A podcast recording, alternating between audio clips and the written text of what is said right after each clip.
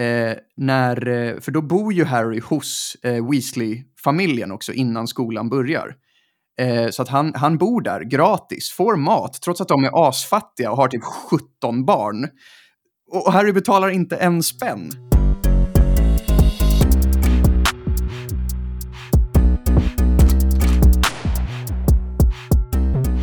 Välkomna tillbaka till ett nytt avsnitt av Alfa-podden. Fan vad bra. We're back, August. We're back. Vi har haft ett litet, eh, litet juluppehåll där vi har bunkrat eh, ett avsnitt, relation, relationsavsnittet som splittades i två delar. Men nu är vi tillbaka och spelar in nytt material. Det är nice. Ja, det är fan nice. Har du haft det mysigt i jul och så? Ja, ja det har varit supermysigt. Jag var hemma på Gotland med mamma, min tjej och min syrra och hennes kille. Så det Ja. var ja, väldigt lugnt och chill. Jag har surfat en dag. Jaha, Mm. med Eller- våtdräkt. Jajamän. Ja, det var fan hemskt egentligen. Jag lånade en våtdräkt av min kompis. Han hade en sommarvåtdräkt och jag har också en sommarvåtdräkt. Aha. Och så skulle jag sätta på mig båda för att det är ju vinter nu. Ja. Och då eh, blev det så jävla tight så jag tappade typ blodflödet i mina axlar. Nej. efter 45 minuter. Åh, fy fan. Ja, det lät ju hemskt. Ja, så jag ska nog investera i en vintervåtdräkt. Det tycker jag. Dra den, dra den på firman. Gör, gör en surfsketch och dra den som rekvisita. Det borde väl gå. Det tror jag. Det tror jag. Hur har din jul varit? Eh, nej, men den har varit bra. Det enda dåliga med den var att jag halka för första gången på alltså hur många år som helst. Eh, Okej, vad- berätta mer om halkningen. ja, men det var, det var så Jag kunde liksom inte minnas senaste gången man liksom halka riktigt ordentligt. Alltså, liksom, hade jag varit 80 hade jag dött. Alltså, så var halkningen. Liksom.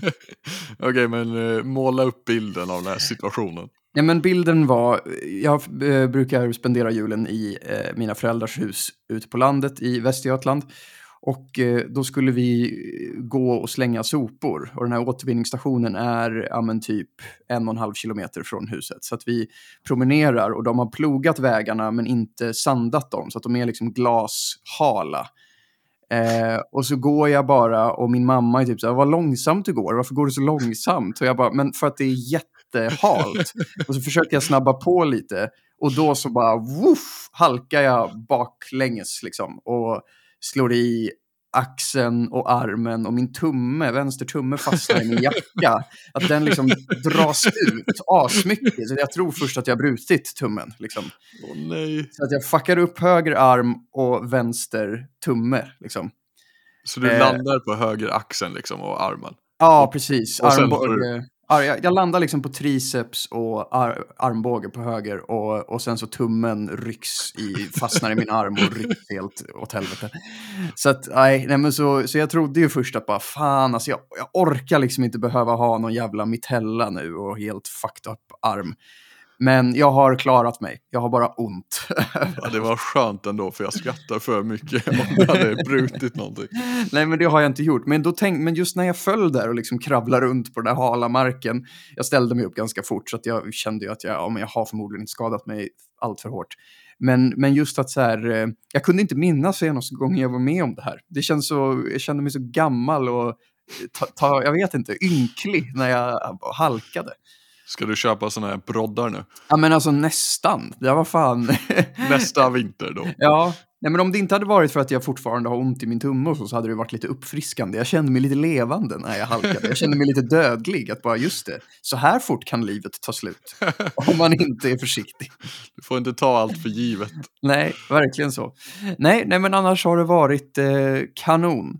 Jag har eh, släppt eh, en, eh, inte en ny låt, men det är en remix av min nyaste låt, Lennart och Monikas farväl remix. Vi kommer Mm. spela den i slutet. Så att eh, alla som inte vet vad det är för något får höra den. Eh, så att, eh, nej men det här är sista rycket med Lennart och Monica, sen måste jag gå vidare. Jag har fan bara pratat med den här låten i fyra månader. Typ. Ja, men grattis. Tack. Men eh, jag tänkte på det också, jag gick in på din TikTok häromdagen och så höll jag på att scrolla och jag bara jävlar, Lennart och Monica. det är lite som den här typ 40-åriga mannen som sprang maraton när han var 20. Jag har ingen aning om vem det är. Men ja, han som fortsätter att prata om det hela livet. ja, ja, ja, det är Mina verkligen glory days. Ja, ja, det är verkligen jag, fast med Lennart och Monica. Nej, men, och det, det belönas också olika på olika plattformar. Att jag märker att liksom Instagram har ledsnat totalt på den. Liksom, att den eh, Ja, det, det, de, de klippen går åt helvete nu. De första gick bra, men sen har det bara gått sämre för dem. Medan TikTok och YouTube är så himla belönande. Där bara, alltså, jag vet inte, TikTok uppskattar när man gör samma sak. Om man har gjort någonting som har blivit viralt så pushas något liknande så himla mycket. Så Mm. att där har den, den har verkligen bara puttrat på där. Medan Instagram var tvärtom, att första klippet med Lennart och Monica gick jättebra och sen det andra gick också hyfsat bra, men sen har det bara gått sämre. liksom. kommer det fler Lennart och Monica-klipp? eh, ett eller två till kommer komma. Vi får Ja. se om det blir av. Det kommer i alla fall komma minst ett till. Och sen eventuellt ett till ifall. Men, men det är beroende av att eh, några externa vill vara med på en idé som jag har. Och om de inte vill det, då är det bara ett till klipp. Ja, okej. Eh, men så vi får vi se. håller ut. Vi håller ut. Håll utkik efter mer Lennart och Monica-content. Sen lovar jag att gå vidare efter de här ett eller två klippen. Då blir det bara nya grejer. Ja, Eh. jag känner igen den känslan ändå. Jag tänker på när jag gjorde de här ärliga Ja, klippen. Alltså Mm. man blir ju, eller det är ju nice när saker går bra och det är kul. Men det kommer också till en nivå där jag känner bara så här, okej, aldrig mer. Nu är jag färdig med det här. ja. Alltså även om andra vill se det typ. Ja, nej, jag, jag fattar verkligen vad du menar. Eh, det är också så här, men men med musik är det, är det där extra lurigt för att så här, man vet aldrig när man kommer ha nästa hit. Liksom. Så man Mm. vill verkligen passa på att göra allting man kan med den här låten. Alltså på, på sätt och vis. För man, det kommer liksom inte gå att göra om tre månader. Det är nu jag måste göra det. Mm. Men, men jag förstår verkligen vad du menar. Man vill ju inte göra det som förväntas av en alltid, utan man vill ju också förnya sig. Ja, och för dig så handlar det kanske inte om jättelång tidsperiod, men jag tänker så här, andra artister som turnerar på en låt som är 40 år gammal. Typ. Jag menar Ja. hur det känns att göra det. Nej, och jag tror aldrig det kommer att bli så igen, för att nu byts ju alla hits ut så fort. Alltså en, en förut, ja men som du sa, om man hade en hit för 20 år sedan, då kan man ju leva på den än idag, liksom turnera med den. Men, men nu så är det ju liksom alltid nya hits. De, de här de hitsen som släppts nu har mycket svårare tror jag att bli riktiga klassiker. För att så här, Mm. musik är så, alltså musik är ju mer content nu än musik. Liksom. Ja, jag fattar. Att det konsumeras lite som sketcher på något sätt. Att det är, är så jävla hett ett tag och sen eh, eh, så kommer ny, nästa grej liksom, och så har man glömt den där. Sen kan du ju säkert få en revival igen om fem år, liksom, men det vet man ju inte än. Nej. Nej, det låter rimligt.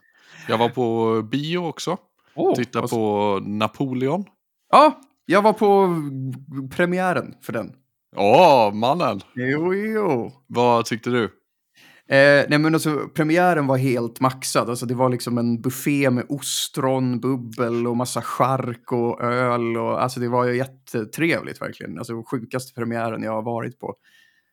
Men vadå, fick du någon sån här specialinbjudan till det eller? Ja, det fick jag. Ja, men vad fan, nu känner jag. Ja, så går det när man försöker säga att man har varit på bio. Då kommer någon som har varit på premiären. Och... Ja, men det var för tänk dig att du sitter och ser Napoleon, men att du får dricka hur mycket bärs du vill samtidigt. Fy fan vad bra. Va, vilka fick du den här inbjudan av?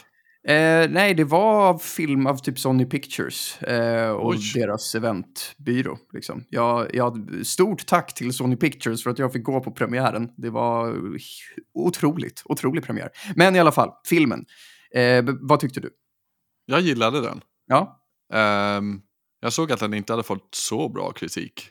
Nej, jag, jag blev också lite förvånad över att den har blivit så sågad. Jag tyckte den var kanon.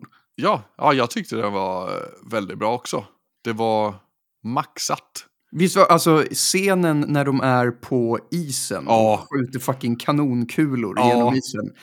Nej, det var så den fett. var tung alltså. Tänk att alltså, regissera den typ. Eller, Ja, alltså ja, men vi som ändå varit filma på... den. Jo men exakt, alltså vi som har varit på så här inspelningsplats och sånt. Mm. Tänk att det är ditt ansvar att få till den scenen. Ja, ja men, och jag tänkte på alla liksom stuntmän på hästar som skulle plaska Ja. runt i vattnet med hästen. Alltså, Ja. så jävla svårt. Alltså man, man, jag skulle jättegärna vilja se behind the scenes på hela den, det, Jag med. den scenen. Ja, men det gjorde de bra, måste man ändå säga. Ja, nej, men helt sjukt bra. Nej, men det var så himla mycket sådana maxade scener som inte kändes så här Hollywood, Hollywoodiga, utan de, de var liksom bara... eh, Alltså, de- de, de var så... Jag, jag har typ inte sett något liknande. För man, för man har ju ändå blivit matad med så här sjuk CGI och sånt. Ja. Men, men det här var liksom något annat. Det kändes så eh, gripande på något sätt. Det var liksom inte bara action, utan de skildrade våldet på ett väldigt hemskt sätt så att det blev ganska obehagligt, tyckte jag. Mm. Ja, alltså jag, jag tänkte bara på hur det hade varit att vara i krig. Mm. Alltså det är helt galet. Tänk att vara i liksom den främre linjen Ja. och behöva springa in i de där hästarna. Ja, ja. Eller så här, när de är på häst och ska hoppa in i den där fyrkanten med de uh, engelskmännen som skjuter. Alltså det är ju garanterat att du kommer dö. ja. Verkligen. Nej, alltså, och nej, att, det nej. var, att det var så många som dog när de Ja. visade siffrorna. Så här, hur Ja. många som är villiga, eller villiga och villiga, men ändå inte springer därifrån typ. nej, nej, men eh, alltså verkligen. Helt, helt absurt. Alltså, man förstår ju att alla behövde vara tokreligiösa. För liksom, man behöver ju intala sig själv att nästa liv blir bättre för att man ska kunna göra något sånt där. Liksom. Mm.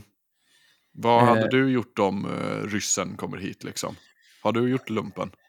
Jag har inte gjort lumpen. Men jag hade, eh, alltså jag, jag hade, jag intalar mig själv att jag hade liksom ställt upp och eh, gjort, alltså, jag vet inte vad det heter när man, när man kallas in som icke person, alltså som person, men säga, när man kallar, Hemtjänst, hemtjänst.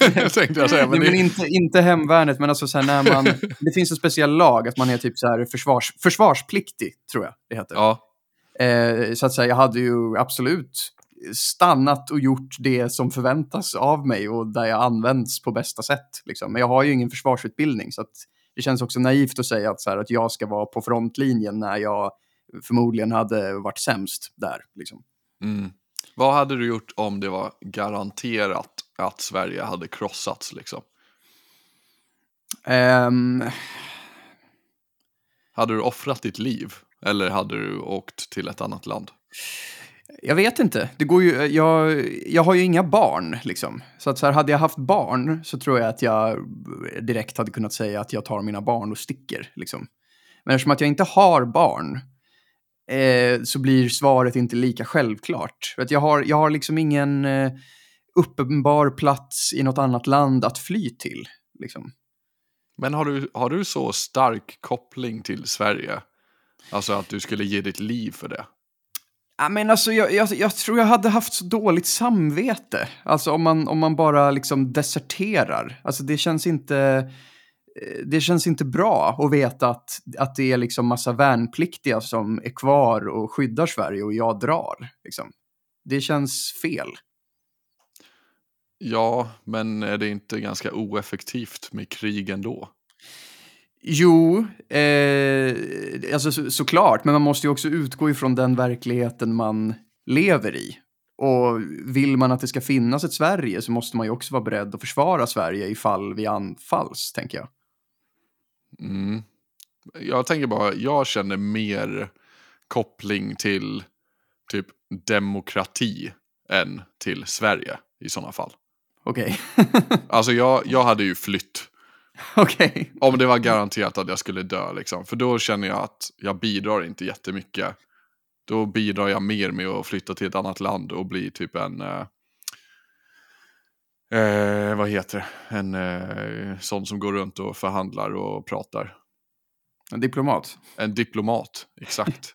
Okej, men jag tycker att vi måste vända på det här scenariot. För att så här, om man, nej, om man vet att man med 100% sannolikhet kommer att dö, då kommer man ju så här, förmodligen rent biologiskt göra så att man inte dör. Jag tror typ att det är ganska få personer som aktivt hade valt sin död i så fall. Så jag tycker vi vänder på det att så här, Sverige blir anfallet, vi har inte jättebra chanser att klara oss. Det är Mm. scenariot.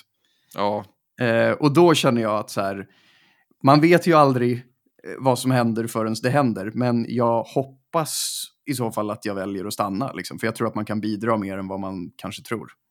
mm. Eh, Ja, jag hoppas att det inte händer. Ja, det, det, det, så, det, hoppas jag obviously också att det inte gör. Men, men, Men, hur, menar, många, hur många procent av svenskarna tror du känner så här, jag kommer stanna och kriga?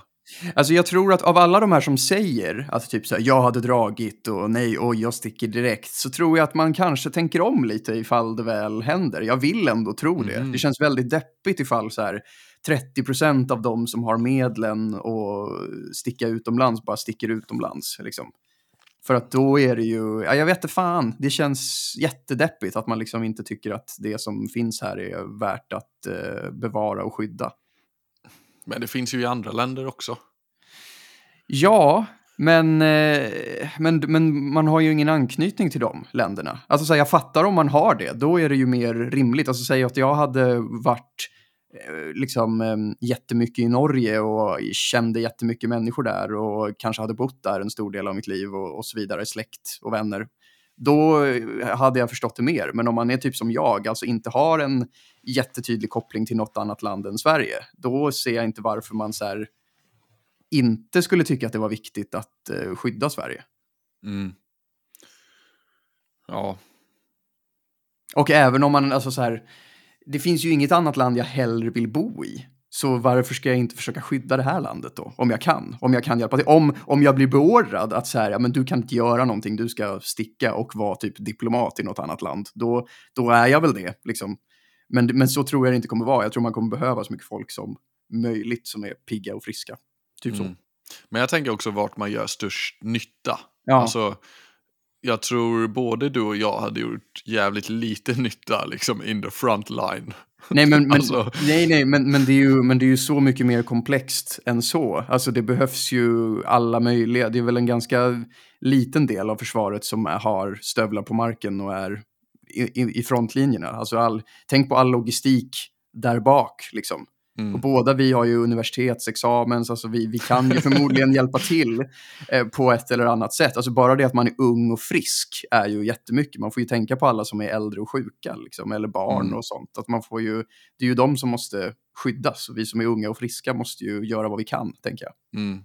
Vad, vad tror du jag hade kunnat bidra med mest om jag stannade och försvarade Sverige? Vad jag göra? tänker att du hade kunnat hålla i liksom, alltså du, du är ju väldigt bra på, alltså, eh, jag menar alltså fitness och träning och att ta hand om dig själv. Alltså jag, jag tänker att den biten hade du fått göra. Du hade fått leda någon slags friskvård för soldater. Alltså så, så Ja. att de liksom håller sig skärpta och pigga. Eh, och sen behövs det ju också liksom eh, fucking fältartister som underhåller. Jag tänker att där kan vi vara med på ett hörn. Eh, så det är väl de två primära grejerna. Sen tror jag också att du ganska fort, alltså du hade, du hade ju fått en, alltså du är ju ung och stark och fucking atlet. Du hade ju fått en liksom crash course i soldateri. Eh, så att jag menar, vad fan, på nio veckor så hade du säkert varit en helt okej soldat, det tror jag. Ja ja, men tack August. Nu, Ja. nu kanske jag tänker om här med, med min, mina val. Precis. Jag är inte lika rippad som du är, så att jag tror att jag nog hade varit en bättre admin-person som fått adminna och projektleda saker behind the lines. Mm. Där hade jag Ja, nog men gjort mest nytta. Du Ehm, kanske hade varit min chef när det kommer till alltså, träning och sånt. Ja, Alltså du hade administrerat tränings... Eh, upplägget. Eller Ja. fan, träningsprogrammet. jag tror det med. Jag hade gjort ett Excel-ark. Eh, jag hade bara behövt bli lite bättre på Excel först. Jag är inte asbra, men jag lär mig fort. Eh, nej, men vad fan. Eh, Intressant scenario. För att jag tror verkligen att många eh, nog skulle vara, alltså kan göra mycket mer än vad de tror. Eh, spontant. Och att man nog så här, när, när det väl är kris så anpassar man ju sig väldigt fort. Liksom. Alltså Mm. bara titta på typ corona, liksom, vad snabbt alla ställde om och ändrade hela sina liv och allt sånt där. Mm. Men jag tror ja, ja, jag tänker att det handlar väl väldigt mycket om vad man krigar för egentligen. Ja, Alltså om vi säger, eh, ja men om vi säger Norge till exempel, om du ändå har lite respekt för Norge och sättet att leva i Norge och sånt. Om Norge skulle invadera Sverige, skulle Mm. du känna annorlunda jämfört med om liksom Kina inv- invaderar Sverige? Hade det varit mer så här, ah, men vi kanske kan hitta en lösning, bo i ett norskt samhälle kanske inte vore så illa. För de är ändå typ som Sverige.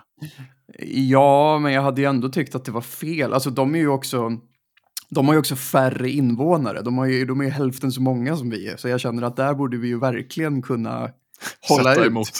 De är ju förvisso med i NATO och vi släpps ju inte in där. Så att vi är lite, ja, det, det, där blir det ju också lite jobbigt. Men om vi, om vi tänker bort hela NATO-situationen, NATO lägger sig inte i på något sätt överhuvudtaget, och de anfaller Sverige. Nej, jag hade tänkt, vad fan, va? va? Det får de inte göra.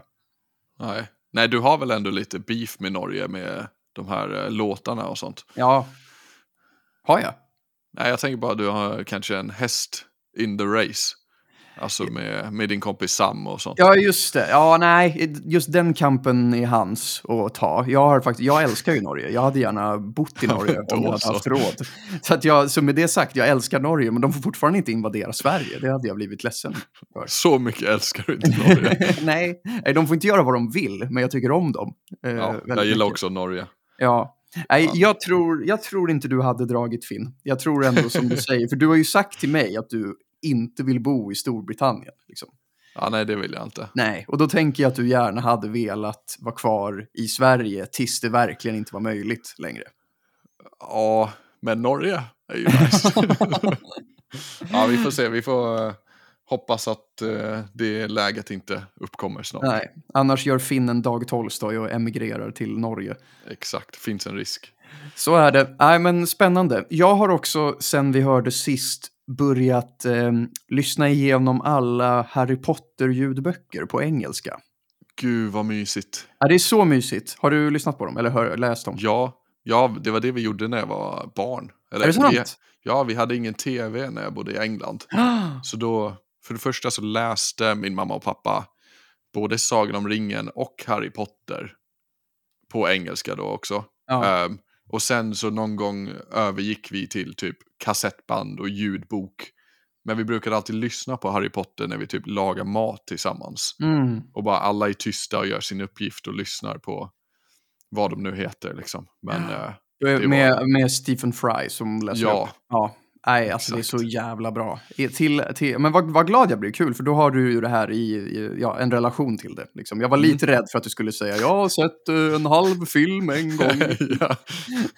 Nej, de här har jag, ja. har jag plöjt flera Ja, men gånger också. fan vad nice. Jag har inte hunnit så långt. Jag har, eh, jag har precis lyssnat färdigt på, jag har typ fem minuter kvar av bok två. Eh, så, så bok ett och bok två är jag ja, mer eller mindre färdig med. Eh, jag har också precis sett om den första filmen efter att jag blev klar med den första boken. För att se Det känns som det är något som alla gör när det är jul typ.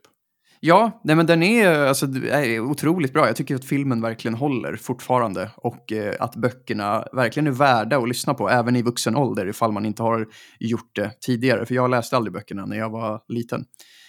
Eh, men, men jag såg filmerna. Men, så mitt ämne för veckan kommer att vara just Harry Potter och lite grejer jag har hängt upp mig på.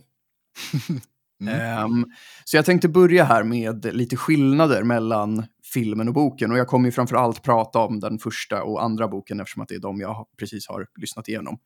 Mm. Eh, men okej, Någon ko- en, en konstig grej som jag tror fejdas ut lite senare, men det är det här jävla poängsystemet. Alltså alla husen, Gryffindor, Ja. Slytherin, Hufflepuff, Ravenclaw, de tävlar ju i typ The House Cup, tror jag det heter. Ja, Eh, så att på slutet av varje läsår så har ett hus vunnit. Det är oklart vad de vinner, kanske bara äran typ, men, eh, men i alla fall.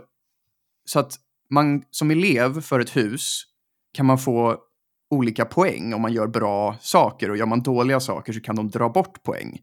Men, men det här poängsystemet är så jävla godtyckligt att lärarna kan vara typ så här, oj, någon svarade rätt på en fråga i min klass, 10 poäng till Gryffindor. Liksom.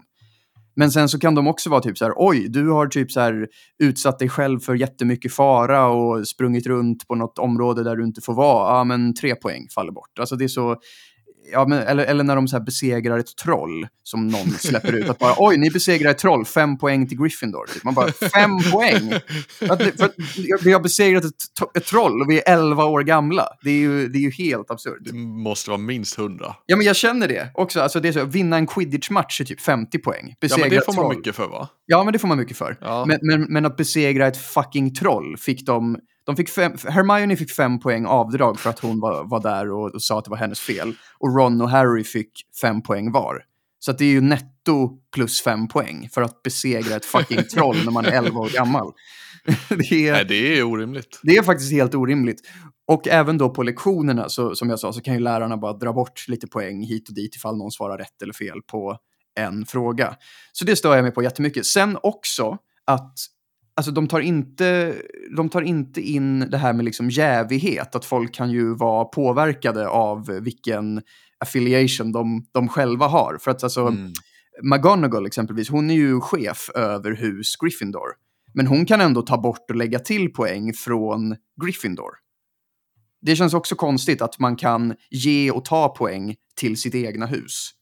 Var det Severus Snape som gav dem poäng när de besegrade trollet? Nej, det var McGonagall.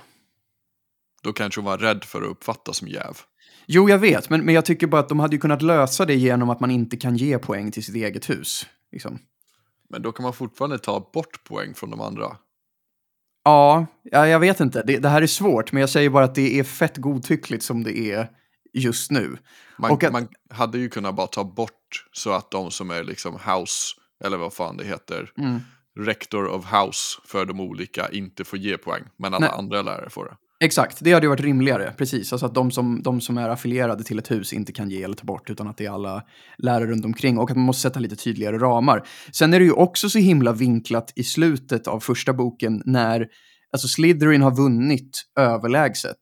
Och sen kommer Dumbledore och bara ger Harry, Ron, Hermione och Neville en jävla massa poäng för att de har hjälpt honom med hans personliga skit, liksom med det vise sten och sånt. Det är också helt åt helvete. Jag hade- Vinner, vinner Gryffindor varje år? Nej, alltså när Harry börjar i första boken, då har Slytherin vunnit sju år på raken. Och sen håller de på att vinna igen. Men då kommer ju liksom, eftersom att Harry är nepo baby och favoriserad av Dumbledore, så får han ju bara massa poäng så att de vinner exakt. Liksom. Ehm, det är liksom jämnt. Alltså det, Ja. Efter att Harry, Ron och Hermione har fått sina extra fuskpoäng så lägger Dumbledore till att bara, men sen vill jag också ge Neville 10 poäng. För att han eh, tjallade på er, typ. Eh, Så att, så att Gryffindor då går om och vinner hela skiten. Mm. Så att jag känner att så här, om jag var Slytherin, då hade jag också hatat Harry för att han är så favoriserad. Mm. Jag tycker det är rimligt. Ja, det är Eh, konstigt. Men det där poängsystemet, det bara faller bort i de senare böckerna, eller? Alltså jag har inte kommit så långt, men jag har för mig att det bara liksom blir lite mindre viktigt eftersom att Ja. det händer så mycket annan skit. Liksom. Ja, du får uppdatera oss på Ja. det. Jag tror du har rätt. Att det bara liksom fejdar ut, typ. Ja, och jag tror att J.K. Rowling kanske själv insåg att det var ganska godtyckligt och lite weird, hennes Mm. poängsystem och inte fanns så mycket logik i det till att börja med. Eh, men okej, min andra spaning är att alltså Harry är ju stenrik för att hans föräldrar har lämnat asmycket guld åt honom i Gringotts bankvalv. Mm. Att han har snor mycket pengar. Hans bästa vän Ron är jättefattig. Alltså han har liksom trasiga kläder och i böckerna trycker de ännu mer på hur fattig han är och hela Weasley-familjen. Han har trasiga kläder, hans trollstav i hela andra boken är fucked up och, och sönder så att han inte kan använda den. Han kan liksom inte göra magi utan att den fuckar upp. Eh, men ändå så kan Harry inte bara så här, vet du vad Ron, jag tar en liksom liten bråkdels procent av min rikedom och köper en ny trollstav till dig, för du är min bästa vän och du stöttar mig i allt jag gör och vi typ är fett beroende av varandra för att eh, eh, ja, vi, vi är polare och, och hela den här skolan är emot oss ibland och så vidare. Men det kan han inte göra, utan Ron får bara gå runt och vara fattig, liksom, trots att Harry har asmycket pengar. Jag har aldrig tänkt på det. Nej, Men det- nej, men, nej, men det som gör det ännu tydligare, det är att i, i den andra boken, eh, när, eh, för då bor ju Harry hos eh, Weasley-familjen också innan skolan börjar. Eh, så att han, han bor där gratis, får mat, trots att de är asfattiga och har typ 17 barn. Och Harry betalar inte en spänn. Och det här förtydligas också för att eh, Rons farsa får sparken från sitt jobb på eh, Ministry of Magic för att den här flygande bilen hittas och skit. Eh, och då, så säger, då tänker Harry också för sig själv, eller han får extra dåligt samvete för att Weasley-familjen har varit så snälla mot honom och tagit hand om honom hela sommaren. Så det tycker jag också indikerar ännu mer att han inte har betalat en jävla spänn till den här stackars familjen som han suger ut och inte bidrar ett skit till trots att han är stenrik. Och han erbjuder inte ens att swisha för maten. Inte ens att swisha för maten, han erbjuder inte ens Ron att typ så betala tillfälligt. Alltså han kan ju åtminstone säga, vet du vad, jag ersätter din trollstav och sen kan du betala tillbaks någon gång i framtiden eller inte alls. Liksom. Ett lån. Ett lån. Alltså han, han, är, han är så jävla snål, verkligen. Fy fan, jag har aldrig ogillat Harry Potter mer Nej. än vad jag gör nu. Nej, men jag stör mig det, just för att de trycker så mycket på hur fattig Ron är, så, så känner jag bara att så här, vad fan Harry, Mm. Rons familj hjälper ändå dig väldigt mycket. Och du gör ingenting för dem. Utöver att ställa till med problem, möjligen. Och de trycker väl ändå på att Harry är en väldigt god kille liksom. Ja, ja, gud ja. Att han är så älskvärd och snäll och liksom, och, ja. Men han är snål. Det är min poäng. That motherfucker. Ja, och jag säger inte att bara för att man har pengar så behöver man liksom göra, alltså jag, jag säger inte att, att, eh, att Harry ska dela med sig av hela sin förmögenhet. Jag säger bara att han kanske kan betala en liten hyra för att han bor hos eh, Weasley-familjen och kanske bara hjälpa sin polare som är fattig och inte har en trollstav. Det är allt.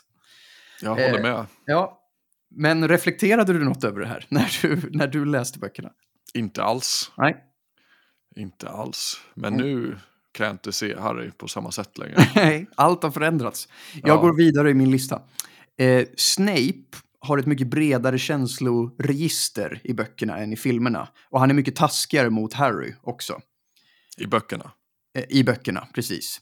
För att i, alltså, mm, eh, skådisen som gestaltar honom i filmerna är ganska liksom stoneface hela tiden. Han visar inte asmycket känslor någon gång. Men i böckerna så har han mycket mer liksom, eh, men det kan beskrivas att han skriker och ler och liksom blir eh, förbannad på ett helt annat sätt än vad han blir i filmerna. Men det är också så här, ja, jag tycker typ inte att Snape är så taskig mot Harry i filmerna. Men han är det verkligen i böckerna. I filmerna så är han ju mer bara som en så sträng lärare som man är lite rädd för. Men i böckerna så är han ju jättetaskig. Liksom. Mm. Så det är mer logiskt bara. Att, eh, att Harry verkligen inte gillar honom. Mm. Och det märkte du när du läste och tittade på filmen. Ja, precis. Ja, vi ska inte avsluta, av, avslöja slutet bara. Ja, jag, jag känner att man får göra det. Alltså har man, okej, om man, om man Okej. inte, ja, men så här, det är Harry Potter, de har varit ute i 40 år. Jag känner att det är obviously spoilers i det här avsnittet för om man inte har tagit del av Harry Potter. Men vad fan, har man inte tagit del av Harry Potter vid det här laget, då får man också finna sig vid i att det kan, att folk får spoila, för det är fucking gamla jävla böcker. Okej. Eh, jag fortsätter på min lista. Ja, Harry fortsätter ju bo hos den här mugglar-sadistfamiljen. Och det är så obegripligt. Jag, jag köper att han behövde bo där fram till så att han började på Hogwarts för sin egen säkerhet. Men efter att han har gått år ett, varför kan liksom inte så här trollkarls-socialtjänsten ingripa och bara placera honom i något random trollkarlsfamilj? Och han har ju till och med pengar så att han kan ersätta den här trollkarlsfamiljen för att slippa bo hos de här sjuka sadisterna. Liksom. men det här handlar väl ändå, det finns väl ändå en anledning till det här. Jag tror att någonting med det huset liksom, eller familjen skyddar honom. Är det så? Ja, jag tror det. Jag tror typ hans mamma innan han dog eh, körde någon trollformel eller något så att han att Voldemort typ inte kan komma till det, komma in i det huset. Till. Dursley-huset? Ja, Okej, jag ska följa upp på det här. Jag har inte kommit så långt eh, än. ja, men jag har en känsla av det, för jag tror Harry ändå tar upp det här att så här, fan jag vill inte tillbaka. Men att typ McGonagall eller Dumbledore säger, jo men du måste bo där, det är för din egen säkerhet liksom. För Mm. du kan antingen vara där eller på Hogwarts och Hogwarts är stängt på sommaren eller någonting. Mm. Så att han inte skulle vara tillräckligt skyddad hos trollkarls-sos. Just det. De hade Okej. kanske inte resurserna. liksom. Nej, nej men okej. Det är, jag köper den förklaringen. Om det är förklaringen. Jag kommer återkomma. Mm. Eh, för det är ju faktiskt en bra, ett bra sätt att fixa det här plotthålet på. I så fall. Mm. Eh, jag återkommer när jag har kommit så långt. Men, men det låter ju lite... Jag, jag känner igen det här nu när du säger det. Så att jag, Ja. jag tror att det här kan vara en rimlig förklaring. Eh, okej. Jag har också insett att de har gjort ett väldigt bra jobb med filmerna nu efter att jag har läst dem, eh, lyssnat på de två första böckerna. För att i filmerna så tycker jag att de har varit väldigt, väldigt duktiga på att sabla bort det som är onödigt i böckerna, eller det som liksom inte är nödvändigt att ha med i en filmatisering. Mm. Och de har också varit väldigt bra på liksom att klippa så att barnskådisarna inte behöver ha för långa repliker. Så att man tänker typ inte på att barnskådisarna inte är så bra. Mhm. Eh, det tänkte jag på nu när jag såg eh, om dem. För att de är ju jättesmå när de börjar i första filmen och sen blir de ju bättre skådisar allt eftersom. Att de eh, får spela och, och blir äldre och, och sådär. Men, men de har verkligen jobbat bra med det de har och inte gjort att barnen behöver säga för mycket saker utan de jobbar mycket mer med liksom så här snabba klipp och sånt tänkte jag på. Mm. Vem Eh, är det som regisserar? Han heter typ så här Christopher Columbus, någonting sånt. Alltså inte, inte Jag det. bara, inte det någon annan? Jo, jag vet, men, men han heter något med Columbus. det är inte, den, inte han som eh, upptäckte världsdelar för länge sedan, utan Nej. eh, någonting med Columbus. Eh, Sa du världsdelar för att du var osäker på vilken världsdel det var? Ja, men det är också så himla så här, var han först och fram och tillbaka, vad okej, upptäckte ja, han och ja. upptäckte han inte. Så att, så Stay här, safe. ja, så här, vi håller oss säkra i Alfapodden. Ja. Ja, nej, men någonting med Columbus, eller Columbo, jag kommer inte ihåg. Mm. Eh, men eh, det finns ju en sån här, de, HBO gjorde någon här Harry Potter special när det var så 20-årsjubileum eller något. Eh, Har det gått så lång tid redan? Ja, det har gått mer. Nu har det gått typ 23 år. Men, eh, men då intervjuade de ju massa skådisar och då gick de igenom film för film och vem som regisserade och sådär. Den är fan jätteintressant. Så den kommer jag se om när jag har läst ut alla böcker, eller lyssnat ut alla böcker och sett alla filmer igen, tänkte Mm. jag. Eh, men okej, jag går vidare. Min sista punkt. Jag tycker att det är en väldigt onyanserad bild av Slytherin. För alltså, det enda man får höra om Slytherin är att alla som gått där blir gängkriminella liksom, och att de är onda typ. Men samtidigt som jag sa förut så har Slytherin vunnit hustävlingen sju år i rad innan Harry Mm. börjar på Hogwarts, eller precis när han kommer dit så har Slytherin vunnit sju år i rad. Så att de måste ju göra någonting rätt. Men det snackas liksom inte om det. Det snackas bara om typ så här Draco Malfoy och Voldemort. De är de enda liksom Slytherin-personerna som får stå i centrum lite.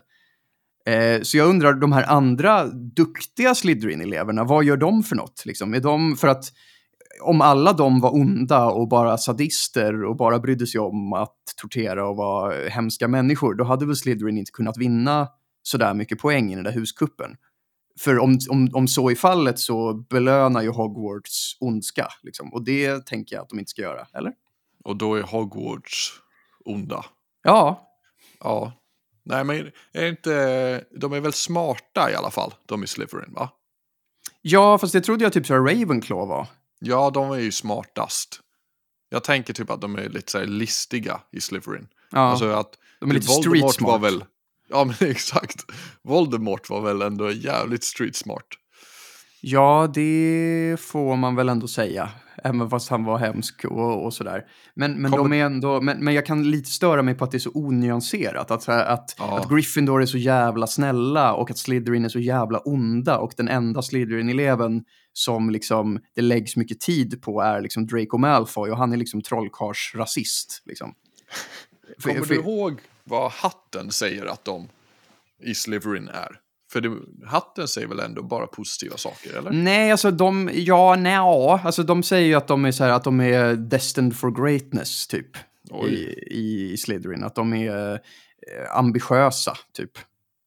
Mm. Något, något sånt. Men, men det är ändå så här, jag, jag kommer inte ihåg eh, beskrivningen exakt, men Gryffindors beskrivning är ju typ att de är modiga och ärliga och liksom nobla på något sätt, medan Slytherin är mer så här lismande och eh, väldigt så här eh, prestationsdrivna, antar jag.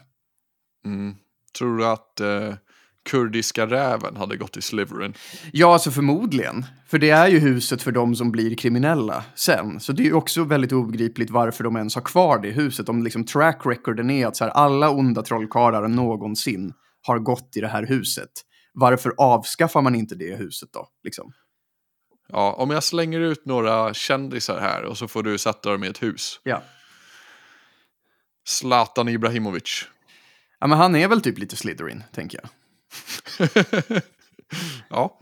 Ja. Ehm, Göran Persson. Eh, oj. Gud, vilken bra fråga. Ja, men jag säger typ Slytherin på honom också. Alltså. Mm. Ehm, Sara Larsson. Hmm. Jag vet inte riktigt, jag, jag måste pausa här, för jag vet inte riktigt vad som kännetecknar Hufflepuff. I mitt huvud så är de bara lite osmarta men snälla typ. Okej. Ja, men eh, Sara Larsson är väl kanske... Nej, hon är fan också Slytherin. Okej, jag måste hitta någonting annat här. Ehm, vi säger Leonardo DiCaprio. hmm. Ja, men han kanske är Gryffindor då, om inte det är en fasad. För jag tänker att han i, i Hollywood är så liksom, och jag är så bra och bryr mig så mycket om miljön och fuck allt det här. Mm. Och, alltså han vill ändå ge ett sken av att han är väldigt eh, osjälvisk och tänker på eh, något som är the greater good. Liksom. Fredrik Reinfeldt. Eh, ja, men det är Slytherin på den också. Ehm, Särskilt liksom gamla Fredrik Reinfeldt, alltså liksom Fredrik Reinfeldt på 90-talet, då är det absolut Slytherin. När han har skrivit den här boken Det sovande folket. Liksom. Det är 100% Slytherin. David Haroun. Eh, ja, men det är väl Slytherin också, tänker jag. Ehm, eh, Camilla Läckberg. Hmm. Nej, men det är Slytherin på henne med. Alltså, okej, det här var ju omöjligt. ja, men vi har i alla fall Leonardo DiCaprio som tog sig in i Gryffindor. Alla andra blev Slytherin. Det är jag nöjd med. ja. Jag med.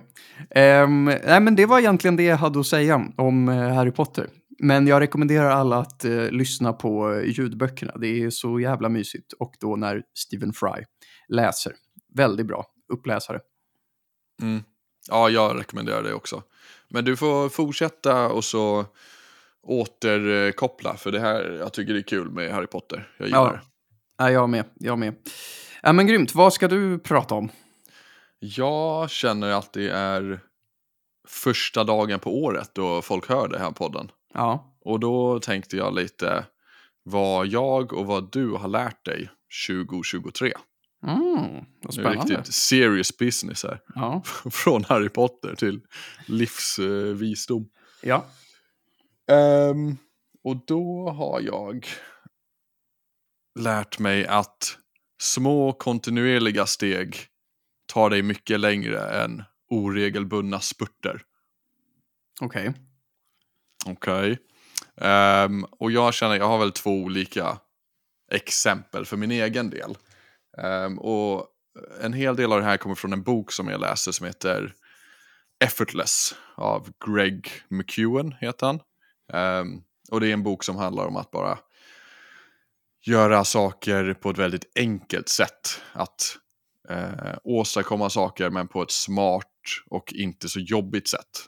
Ehm, och då är en av tipsen i boken är att verkligen ta väldigt små steg framåt som man kan hålla kontinuerligt under en lång tid och att det leder en till att ta sig mycket längre än om man så här, får jättemycket motivation och så köttar man ett tag och sen så blev det för mycket och så lägger man av.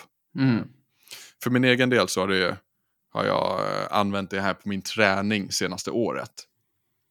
Ehm, att istället för att träna väldigt hårt när jag tränar så tränar jag oftare. Men inte pushar det där lilla extra som gör att det blir jävligt jobbigt typ. Mm. Eh, och på så sätt så har jag kunnat vara mycket mer regelbunden i min träning. Typ. Mm. I år så har jag kunnat ja, men när det gäller gymträningen så har jag tränat tre, fyra gånger i veckan. Men jag har också gjort det varje vecka hela året. Eh, och det har jag nog aldrig gjort förut. Ah, okay. Eh, och trots att jag inte har tagit i eller försökt lika mycket i år så har jag fått mycket bättre resultat. Att jag är mycket starkare än vad jag var tidigare trots att jag tränade hårdare förut. Mm. Jag Hänger förstår. du med?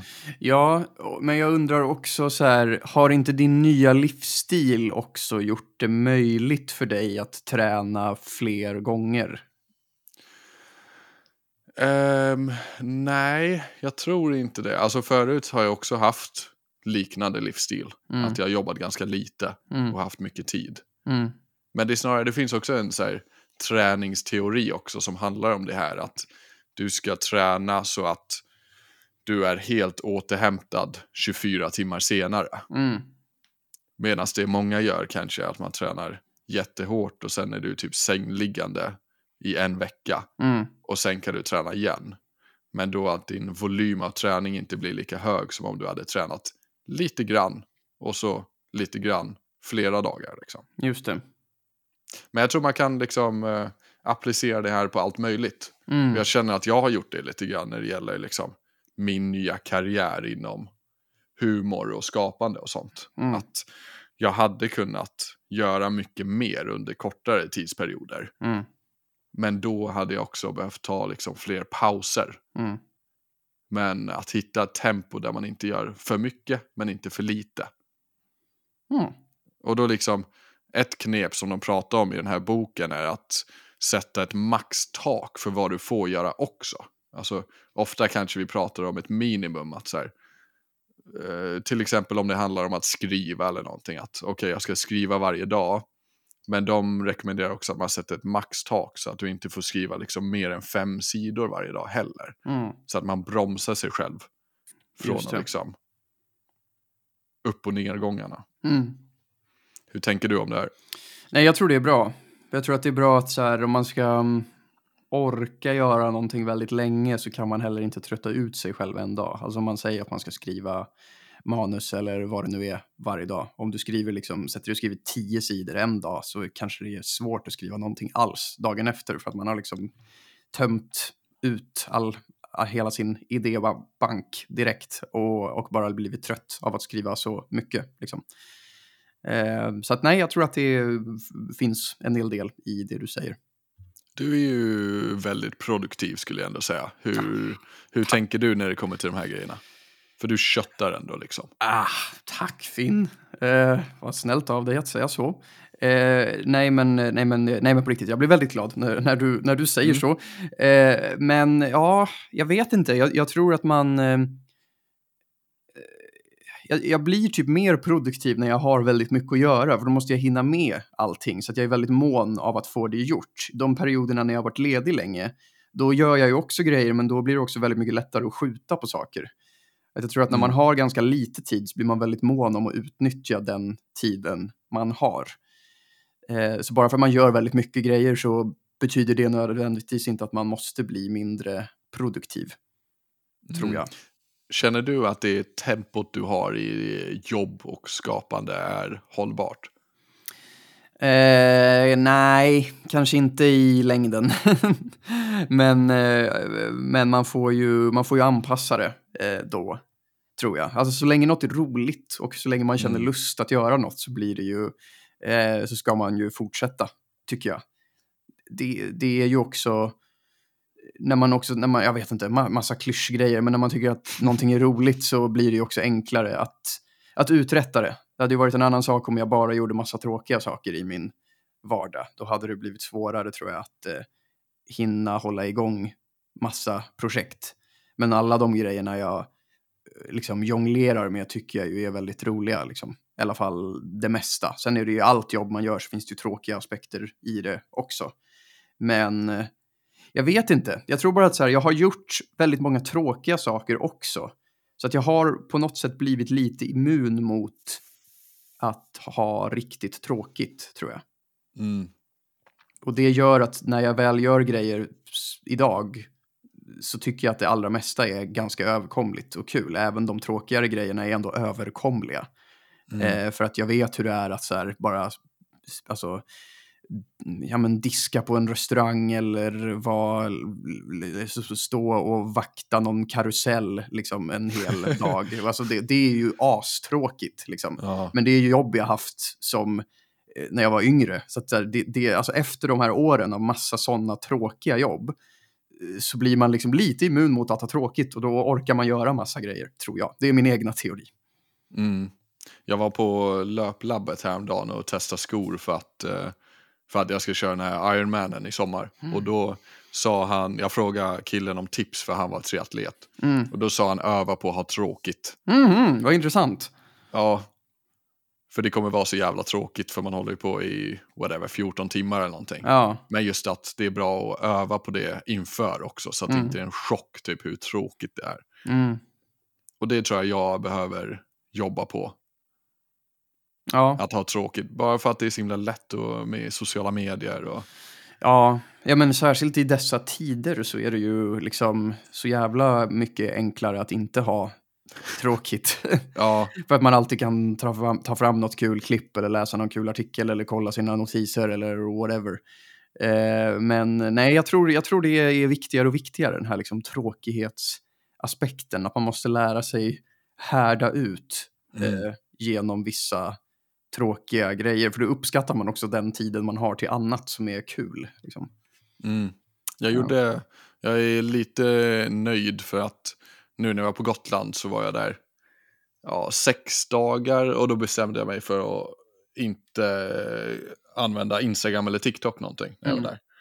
där. Ehm, och det, det gick ju bra. Mm. Men det känns sjukt att det, är så här, att det ska vara en grej. Mm. Att inte kolla det på sex dagar ska vara en grej man måste tänka på typ. Ja, ska vara något du Eh. får applåder för. Ja men exakt, det ska jag fan ha applåder för. Nej men det är, vad ska man säga, det är tänkvärt Mm. att så här, ja, jag tror ta, ta pauser från stimulans Mm. och att ha roligt hela tiden typ. Verkligen. Men hur, eh, men stängde du av mobilen helt eller tog du bort apparna i den? Nej, jag bara gick inte in på apparna. Okej, Men jag använde knappt mobilen heller. Så. nej. Vad hade du för skärmtid då, de här sex dagarna? På telefonen? Ja, det var nog, ja, jag vet inte om det är en, alltså, en halvtimme om dagen eller någonting. ja. Kanske filmade någonting eller så. Men, Men det var ju svinbra. För att jag måste typ stänga av telefonen helt. För att om jag har apparna på mobilen då kommer jag gå in på dem. Alltså jag är så nere i träsket liksom. Att jag, jag måste ha telefonen helt avstängd. Annars kommer jag råka gå in på dem förr eller senare. ja, Vi har ingen självbevarelsedrift kvar. nej, nej, men jag fattar, det, det är ju smart att göra så. Mm. Men för mig är det typ, ja men använder jag inte det så använder jag knappt mobilen. Alltså Nej. jag behöver ju typ inte den för någonting Nej. egentligen. Ja, men då hittar jag andra grejer. Alltså, då går jag in och typ så läser Aftonbladet eller typ Ja. kollar YouTube och. Alltså min, min liksom knarkhjärna när det kommer till mobilberoende, den hittar alltid någonting att göra, även fast jag förbjuder något annat. Liksom. Så bara, jaha, okej, du får inte gå in på Instagram, men, men eh, vad fan, då går vi runt, då kollar vi Spotify for Artists istället och Mm, rotar i ja. den statistiken. Liksom. Det finns alltid jag, någon... fatt, jag fattar vad du menar. Ja, nej men för, och det ska också tilläggas att det jag, det jag är mest beroende av är att bara kolla statistik i de här olika apparna. Det finns TikTok-statistik, det finns Instagram-statistik, det finns YouTube Short-statistik, det finns Spotify-statistik, eh, det finns Alpha-podden-statistik. Eh, alltså det Ja. finns så mycket stats att uppdatera i alla tider. Ja, dopamin. ja, Ja, det är likadant för mig. Mm. Ja, det får mig att tänka på, jag var på en tystnadsretreat typ, ja, kanske var åtta år sedan nu. Med då- eller utan naprapat-Jonas? Eh, utan honom tyvärr. Men han, eh, han var säkert på en annan samtidigt. Ja. Men då var det i alla fall åtta dagar utan att snacka. Ehm, och jag minns hur, jag hade jättetråkigt såklart.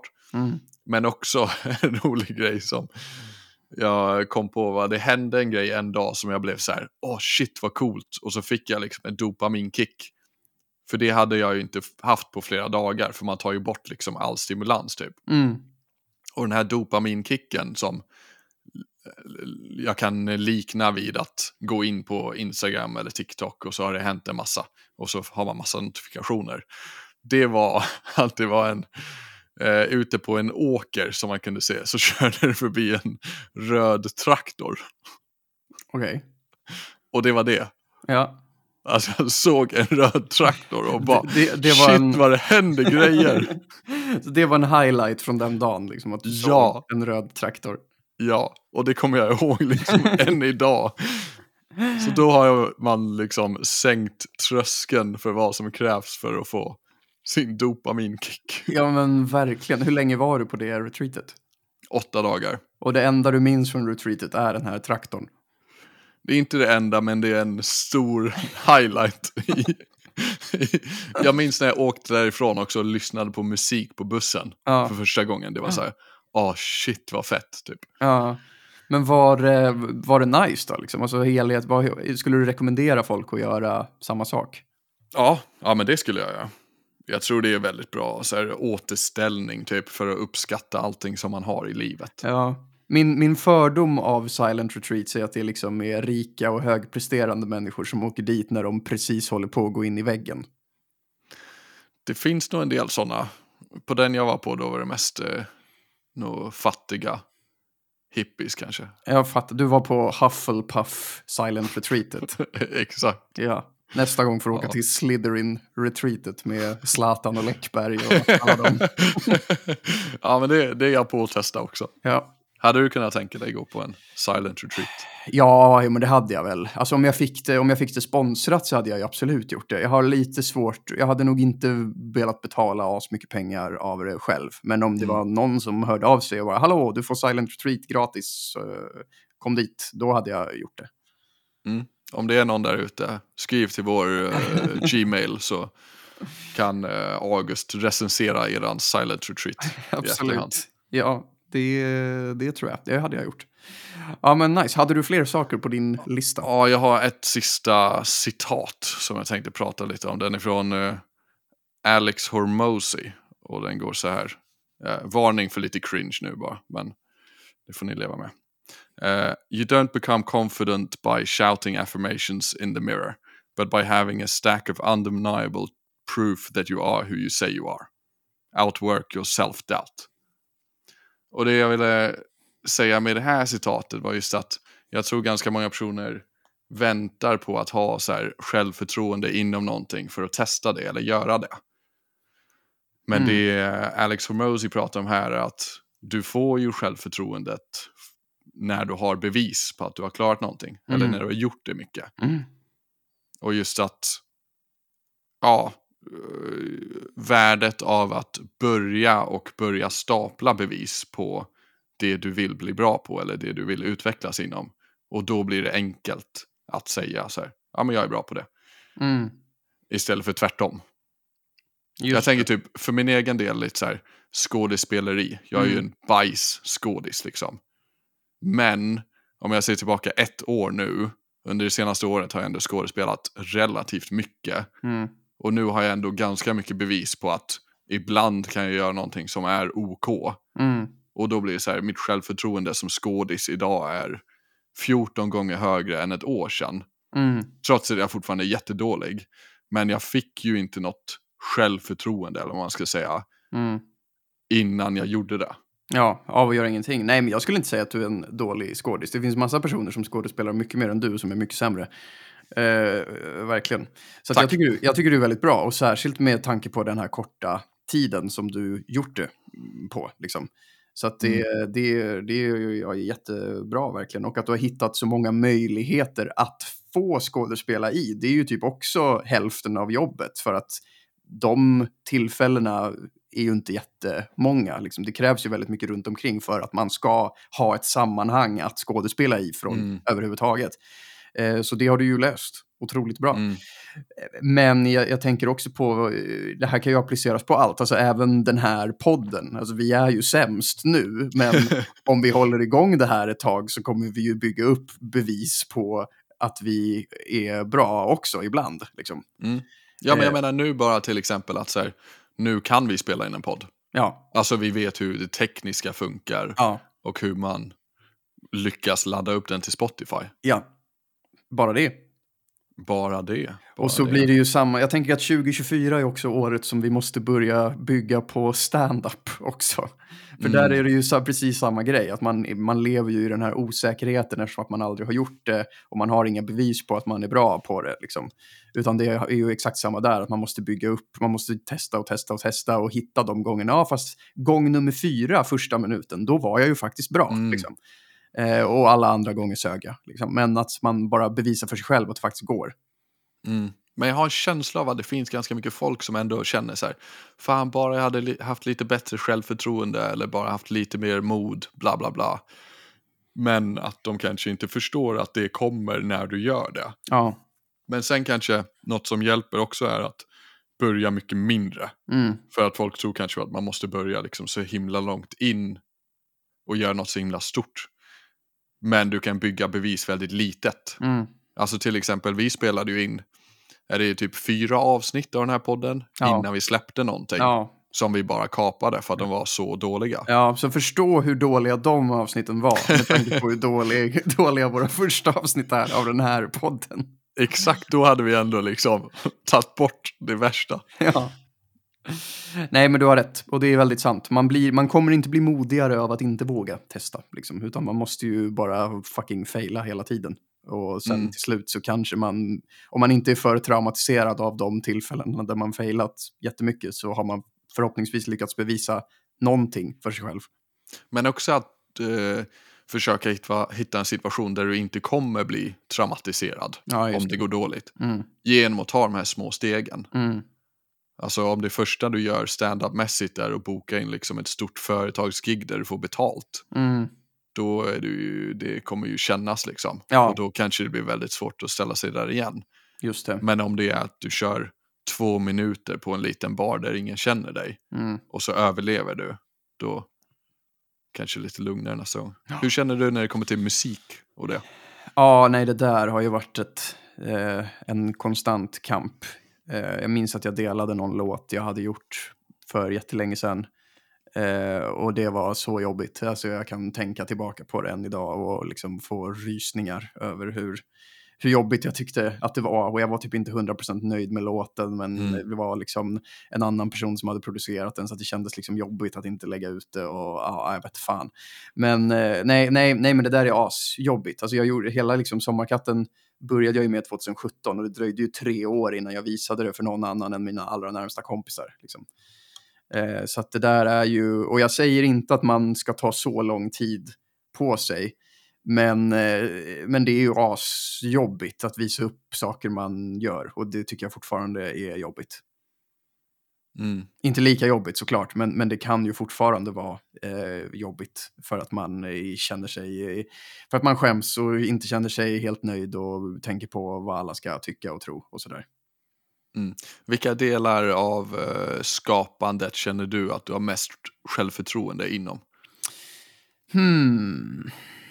Nej, Om men, någon säger så här, kan du fixa det här? Och du bara, fuck yeah, jag kan fixa det och jag kan göra det jävligt bra. Oj, ja men alltså, nej, nej men så här, att, att, alltså, att tonsätta saker. Alltså att liksom göra musikbaserad underhållning i alltså, kortformat. Det känner jag är att jag är väldigt bra på. Liksom. Mm. Alltså att jag kan göra, jag kan skriva, alltså om någon bara säger, men kan, kan inte du skriva en låt om en, eh, en, eh, en, en kvast som bor i ett stall och eh, jag behöver den imorgon, då kan jag lösa det. Liksom. Mm. Så det, det är väl den grejen. Alltså min, min, min förmåga att kunna skapa musik väldigt fort som ändå är, låter okej. Typ så. Vad känner Och du? det har du väl ändå massa bevis för att du kan också? Ja, men det får man ändå säga. Kolla på Sherlock Holmes-reklamen för eh, Storytel. Den, eh, det, alltså det är det närmsta jag har kommit till att skapa en, liksom, jag vill inte säga folkkär reklam, för det är fel ord, men den, den har liksom blivit, alltså jag, jag hade aldrig förväntat mig att den skulle få så bra respons som den har fått. Alltså det är helt sjukt. Alltså kommentarerna är verkligen bara, jag lyssnar på den här varje dag när den kommer upp. Mm. Alltså det är, jag, blev så glad för det. Jag hade inte förväntat mig det alls. Alltså när man gör ett samarbete så blir man ju typ så här, ja ja, men går det helt okej så är jag typ nöjd. Eller så brukar jag tänka att det är så här, det ska inte floppa, men jag förväntar mig inte att det går, ska gå lika bra som en vanlig sketch. Liksom. Men den här har gått alltså, helt jävla kanon. Så att det, det har varit jävligt roligt. Bara på tal om Mm. det. Skryt, skryt. Men det var jävligt bra. Ja, men tack. Tack så mycket. Ja, ja men det ska du ha. Ja, men tack. Vad, vad känner du själv? Vad är du bäst på i skapandeprocessen? Mm, korta humorklipp som är relaterbara. Typ. Mm. Ja. Och det gör du jävligt bra. Jävligt bra. Tack August. Tack. Det ska du ha. Nej, men det, det är intressant hur det där ändras så mycket. Alltså jag tänker typ tillbaka ett år för min egen del. Att så här, om någon hade kommit till mig och säger okej, vi vill att jag är ett företag, jag skulle vilja göra ett samarbete med dig, jag vill att du ska göra ett roligt klipp som är kopplat till det här typ. Och du får så här mycket pengar för det. Då hade jag ändå varit så här nervös typ. Mm. Eller det är jag fortfarande lite grann. Men nu har jag bevis på att jag kan klara av det. Så det är mycket mindre så här. Okej, ja jag fixar det. Istället för typ, ja men det löser vi. Typ fake it till you make it liksom Mm. i början. Mm. Då är det lite så här, okej fuck it, jag tackar ja och sen löser jag det. Ja. Men det måste ju vara skönt att du har vuxit in i ett förtroende kring sånt. Mm. Ja men det är, det är nice. That is, that is great. That is great. Och med de orden, Så avslutar vi det sis- den sista Alfa-podden för året. eller den första, kommer den inte ut på måndag? Ja, jo, just det. Den släpps fan på eh, den första, ja. Det, det är Den sant. första. Det här blir årets första podd. Hoppas ni hänger med resten av året. Gott nytt det år. gör vi i alla fall.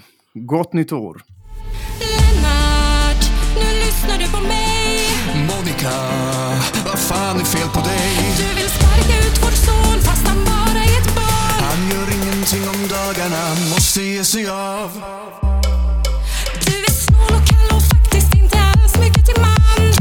Du är